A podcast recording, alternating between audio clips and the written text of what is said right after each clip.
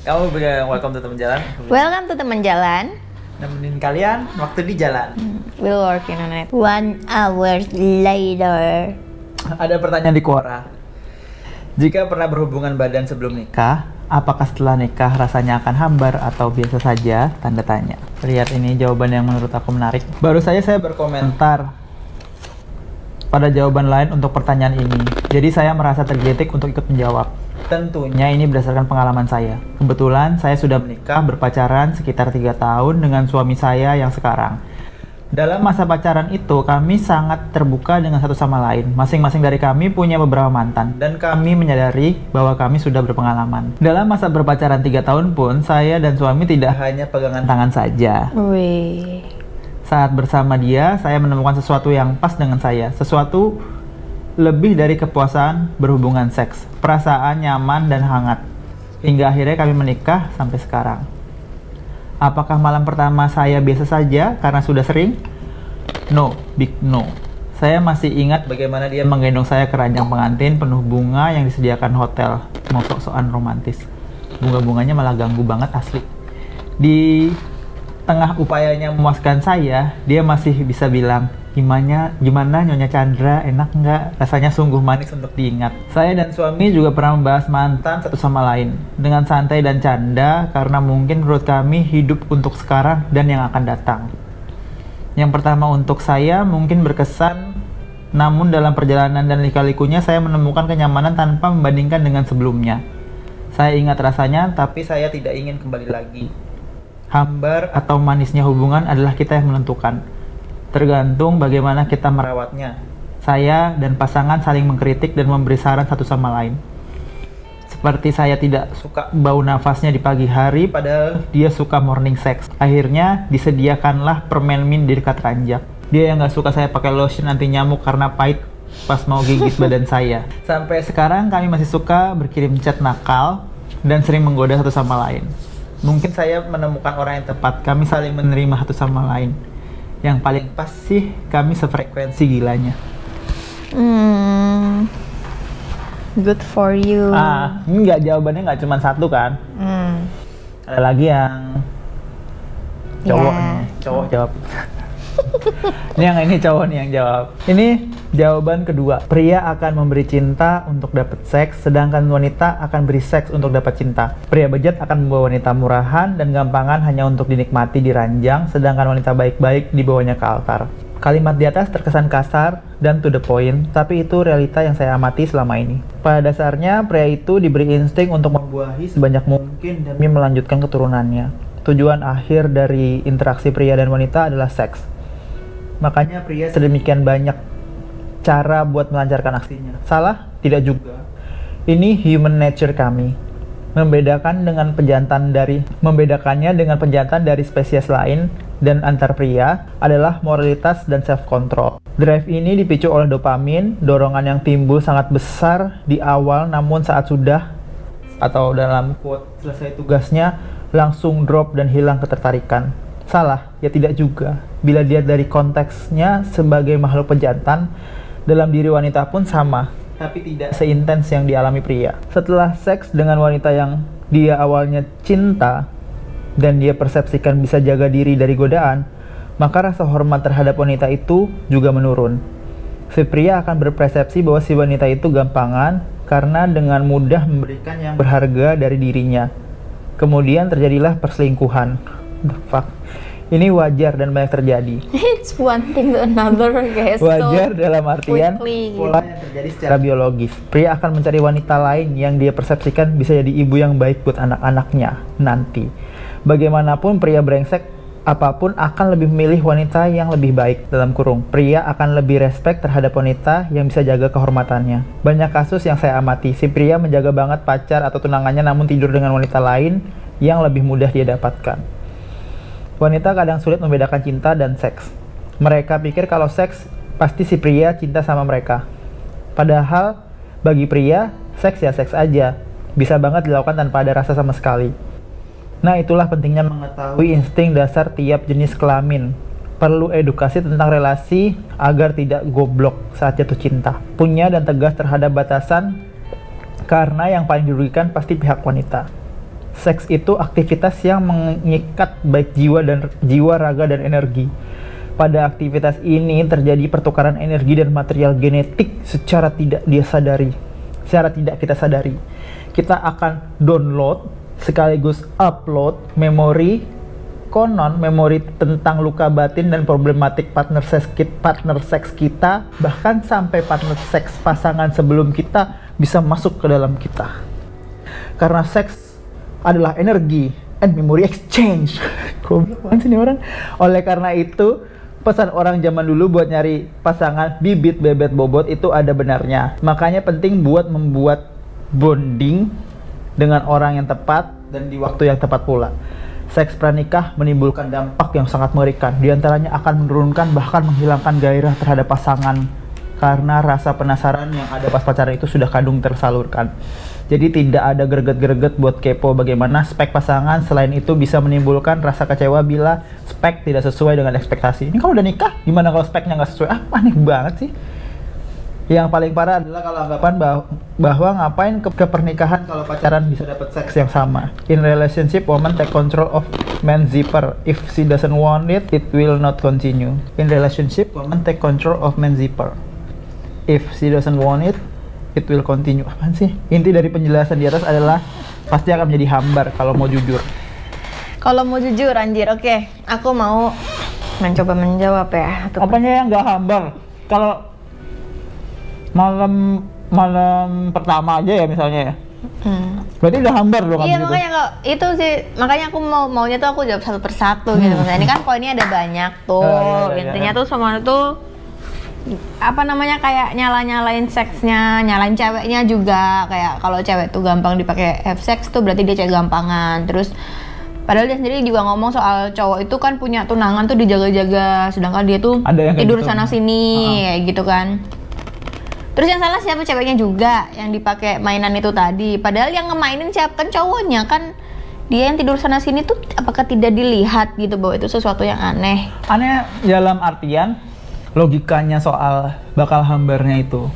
Oke, pertama dulu nih. Wanita akan beri seks untuk dapat cinta. Ini juga sebenarnya agak aneh sih karena ini secara tidak langsung kan berarti kamu tuh kayak udah nuduh semua cewek yang mau diajak have sex sebelum nikah itu artinya uh, mereka tidak dicintai oleh cowoknya. Tidak dicintai oleh karena itu ceweknya tuh ngasih seks supaya dia dicintain. Padahal dari yang sepengetahuan aku ya uh, cewek itu tidak bisa dengan mudahnya terangsang gitu loh. Maksudnya kalau dia nggak ada perasaan sama si cowok. cowok itu malah susah banget untuk dia bisa turn on. Beda sama cowok. Cowok itu kalau misalnya kayak di dirangsang secara biologis aja. Biologis aja tuh udah cukup gitu. Sedangkan kalau cewek tuh nggak bisa. Kalau cewek tuh harus ada ikatan emosional dulu sampai dia bisa menikmati seks itu tadi. Jadi justru kebanyakan itu karena cewek udah cinta banget dan dia ngerasa dicintai banget sehingga dia percaya gitu loh sama pasangannya untuk berhubungan seksual sama dia gitu. Karena oh kamu sayang banget sama aku ya? Oh ya aku juga nih jadi ya udahlah kita kayak gitu. Nah sedangkan cowok memberi cinta untuk dapat seks itu juga kayak berarti cowok-cowok yang dengan apa ya dengan baiknya gitu dia mencintai seseorang terus entah ngasih perhatian atau ngasih apa atau apa. Itu tujuannya cuma seks berarti doang. tujuannya dia cuma pengen have sex gitu. Kayak itu kan berarti kamu juga mendiskriminasikan lelaki juga nggak sih? Kayak seolah-olah semua lelaki itu kayak ada maunya kayak gitu. Menurut aku nggak ya kalau cewek cowok tuh semuanya sama. Kayak mereka tuh ada orang jahat ada orang baik ada orang yang pengen have sex ada orang yang pengen um, melancarkan hubungan kayak gitu-gitu. Ada juga yang enggak ada juga yang murni pengen cinta-cintaan doang. Ada juga yang karena cinta langsung membawa mereka ke hubungan seksual tadi dan macam-macam gitu loh. Nggak bisa dibilang cewek itu gini cowok itu gini. Kayak di dunia ini tuh nggak cuma dua jenis orang gitu loh. Iya bener itu yang harus dipikir sih. Kayak nggak semua cewek sama kayak gitu nggak semua cowok sama kayak gitu. Berarti kan kesannya kayak semua cowok bangsat semua cewek goblok. Ceritanya kan kayak gini kan.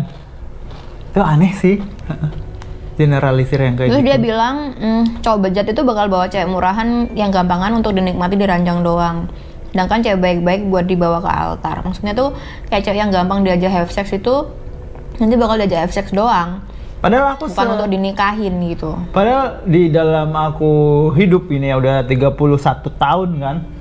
Aku ngelihat banyak cewek yang udah have sex di luar nikah dan nikah ujung-ujungnya dinikahin Baik-baik aja, mm-mm. heeh. Terus dia punya anak baik-baik aja hubungannya baik-baik aja ada Aneh. juga cewek yang udah sampai malah dihamilin terus akhirnya nggak nikah nih sama cowok yang menghamili tapi di masa depan dia tetap kok dapet cowok yang baik-baik Hmm. gitu maksudnya baik-baik dalam artian ya justru malah cowoknya belum nikah nih Iya, misalnya kayak cowoknya gitu. belum nikah terus malah nikah banyak juga ini. cowok cowok dari lajang kayak gitu kan nikah sama janda teman-teman kita sendiri bakalan solusi berarti kalau kalau ada gitu. statement kayak gini kan berarti janda tuh nggak nggak ada harganya ceritanya kayak gitu kan Mm-mm. Karena anggapannya kan cewek yang gampang diajak kayak gitu kan. Padahal kan enggak. Ya lagi-lagi ada dua jenis eh, nggak ada dua jenis orang itu. Adanya tuh orang yang macam-macam. Kayak misalnya cewek yang eh, misalnya udah punya anak tapi dia belum pernah menikah misalnya kayak gitu kan. Apakah dia langsung tidak berhak mendapatkan hidup yang bahagia kan juga nggak kayak gitu. Kalau dia ternyata orang yang baik, saking baiknya gitu dia eh, makanya sampai percaya sama pasangannya buat kayak gitu. Tapi ternyata ya emang pasangannya enggak anggap lah sesuai. kayak kayak gitu mati gimana enggak sih. Kalau di faktanya tuh justru malah ma- makanya banyak kejadian tuh orang malah suami istri nih, udah suami istrian ya. Ah. Terus cowoknya tuh selingkuh sama cewek lain. Hmm. Terus harusnya dengan kayak gitu kan cewek lainnya tuh cuma buat mainan doang kan anggapannya. iya Oh nyatanya enggak, banyak banget justru malah istri yang sahnya tuh tadi. emotionally terikat juga cowok-cowok itu. Jadi istrinya yang sah tadi yang pertama justru malah ditinggalin, diceraikan, ditinggalkan, terus malah nikah sama cewek yang baru ini. Berarti ya ini- dia ini Semua orang nyari dia ini etik. hidup di dalam hitam dan putih gitu loh. Kayak semua orang tuh nyari ikatan emosional Iya. baik melalui seks ataupun enggak Hmm. mereka tuh nyari itu terus katanya wanita baik-baik di- yang dibawa ke altar gitu kan. Hmm. Berarti kan cuma cewek yang dinikahin. Itu juga nggak benar sih. Banyak cewek juga nggak bener yang nikah juga Mm-mm, cewek-cewek nggak, cewek kita juga nggak boleh. bukan cewek. masalah dari dari dia kata nggak bener ya kata koruptor nggak punya suami salah kayak gitu Mm-mm. nah, pengedar narkoba nggak punya suami kayak gitu mereka juga punya pasangan Punya gitu ya pasangan. Dari orang yang suka dugem-dugem yang suka apa namanya nyolong maksudnya narkobaan atau apa Hmm. Iya. kayak gitu-gitu juga mereka pada punya pasangan Iya. ya bisa-bisa aja Mhm. nggak bisa lah dibilang baik nggak baik itu dinikahin atau nggak dinikahin kagak ada hubungannya yang tergantung kamu nemu jodohnya siapa gitu ya aja. ditulis ditulis jodohnya siapa kayak juga sejahat-jahatnya nggak orang di dunia tuh siapa sih. Hitler Mm-mm. banyak ceweknya iya Hitler juga punya cewek banyak kalau kalau cewek siapa yang jahat Cleopatra disukain sama Caesar Banyak banget cowok ya. Iya. Kurang jahat apa dia padahal budakan kayak gitu. Oke, nah. Jadi katanya sih pria tuh ada insting untuk membuahi sebanyak mungkin telur untuk melanjutkan hubungannya. Tujuan akhir dari interaksi pria dan wanita adalah seks. Salah sih menurut aku tuh bukan tujuan akhir hubungan wanita dan laki-laki itu justru itu malah terlalu Ya kayak aku nggak paham kalau misalnya hubungan apa tujuan tujuan sih? akhir itu adalah seks misalnya. Berarti setelah nikah seks udah bubar kayak gitu. Iya makanya segampang-gampangnya dari interaksi cewek dan cowok itu seks tuh malah segampang-gampang ya kayak lapisan terluar banget itu seks.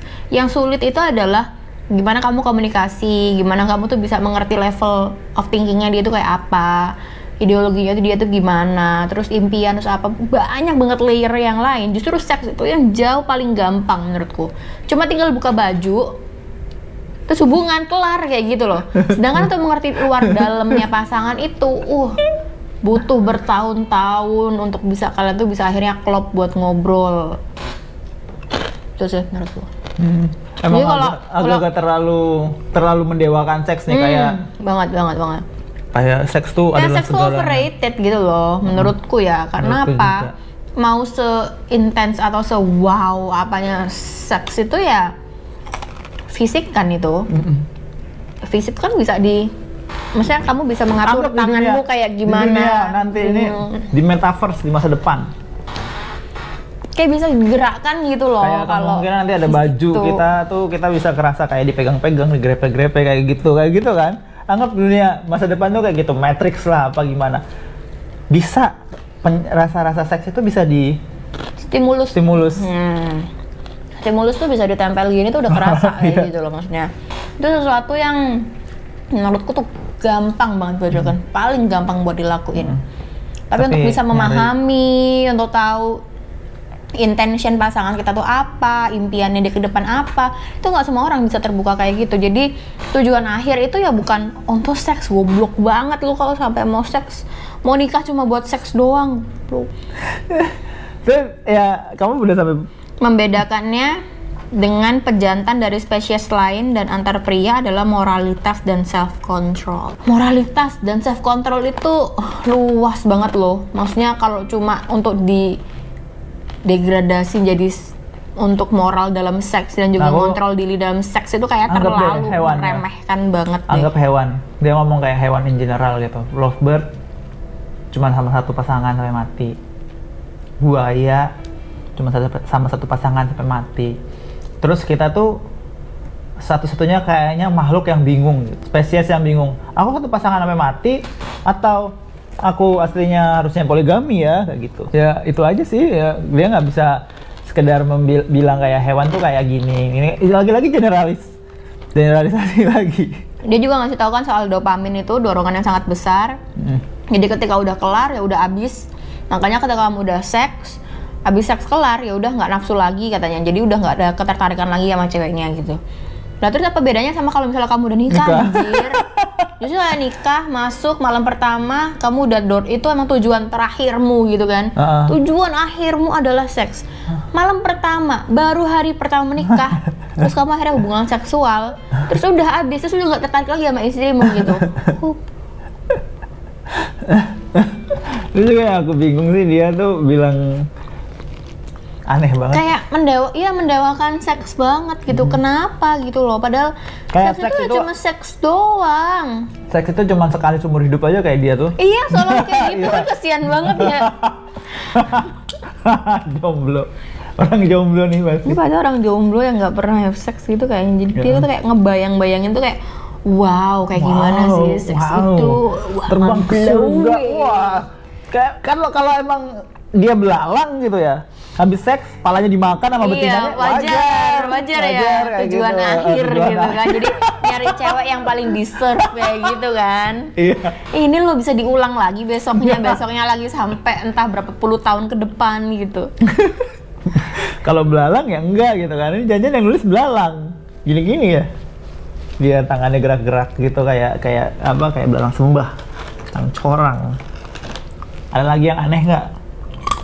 Iya dia bilang katanya kan kalau cewek udah eh, sekali diajak terus ceweknya mau terus akhirnya dia jadi ilfeel karena ceweknya tuh jadi nggak bisa jaga diri dari godaan kan katanya.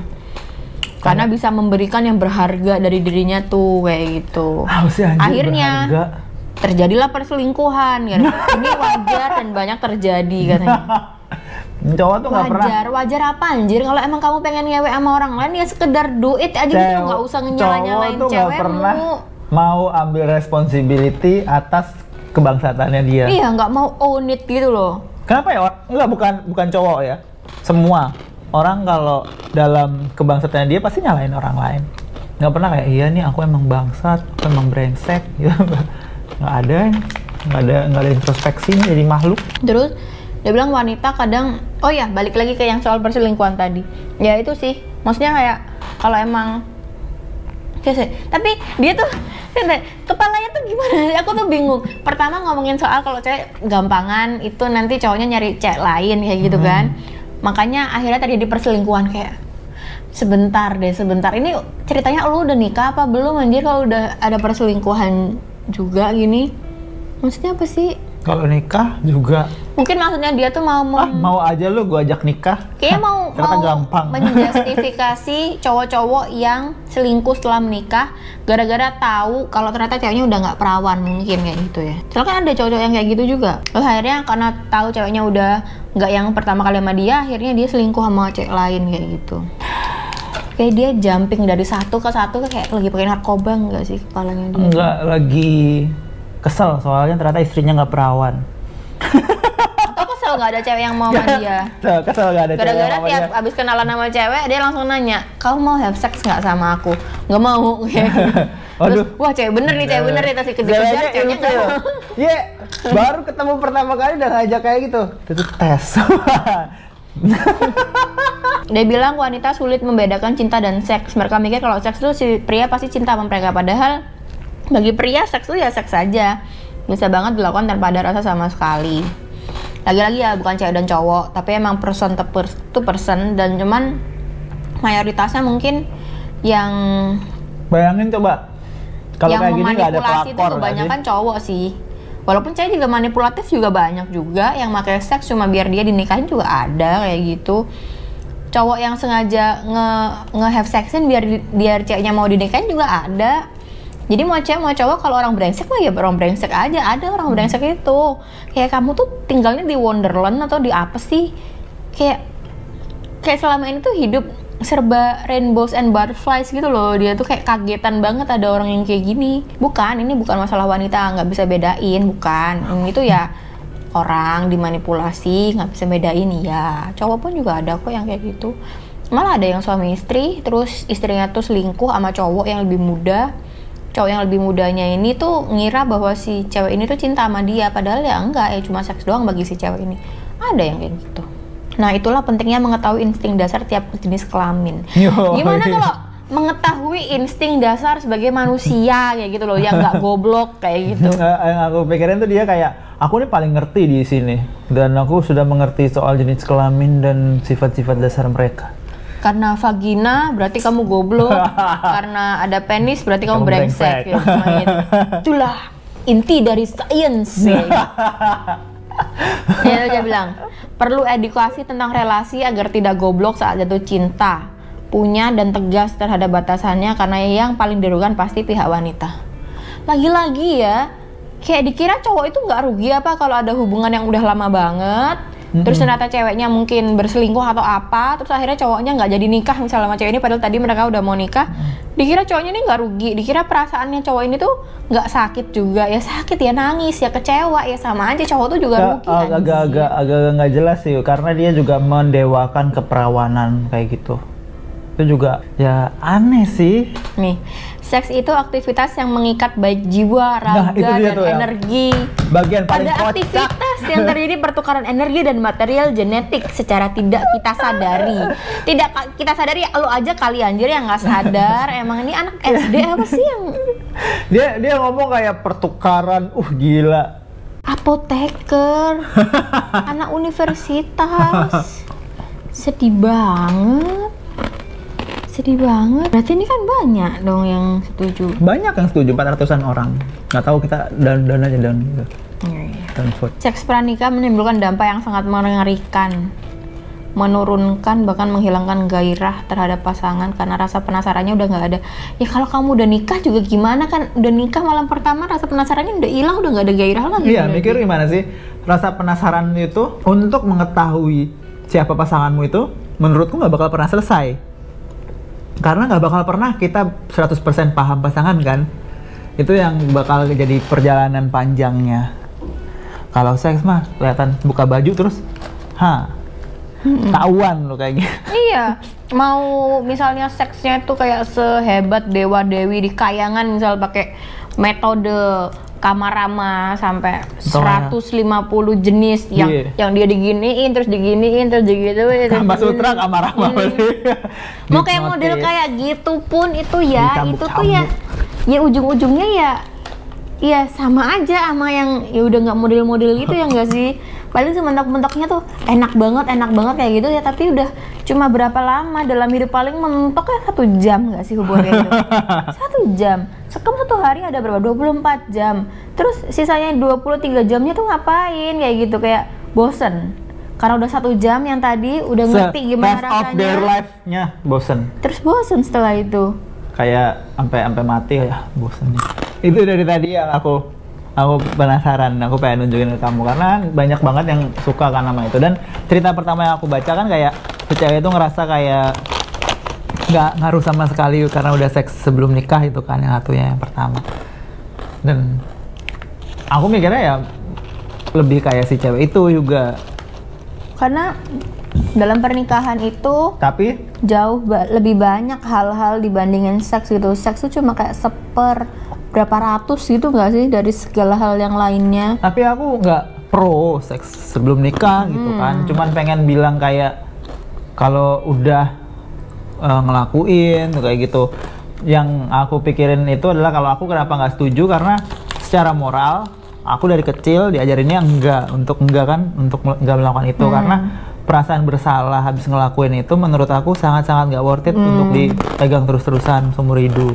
kecuali kalau emang kamu dari kecil tuh dibesarkan dengan nggak apa-apa have sex gitu, have sex iya. apa kayak gitu, gitu tapi kalau kita tinggal di apa lingkungan keluarga yang agamis timur. budaya ketimuran kayak gitu-gitu kita pasti udah dibilangin lah dari kecil kalau nggak baik nggak baik nggak iya. boleh kayak tabu atau apa kayak gitu Karena dibilanginnya itu itu yang bikin nah kita itu yang bikin di kepala kita tuh Jangan. Mm-mm. ya udah jangan melawan conscious. Kalau consciousmu bilang nggak baik ya udah nggak usah tapi nggak usah pakai alasan yang sok-sok biologis, sok-sokan science. sosok yang kayak udah nggak nggak penasaran atau apa atau apa kayak gitu loh.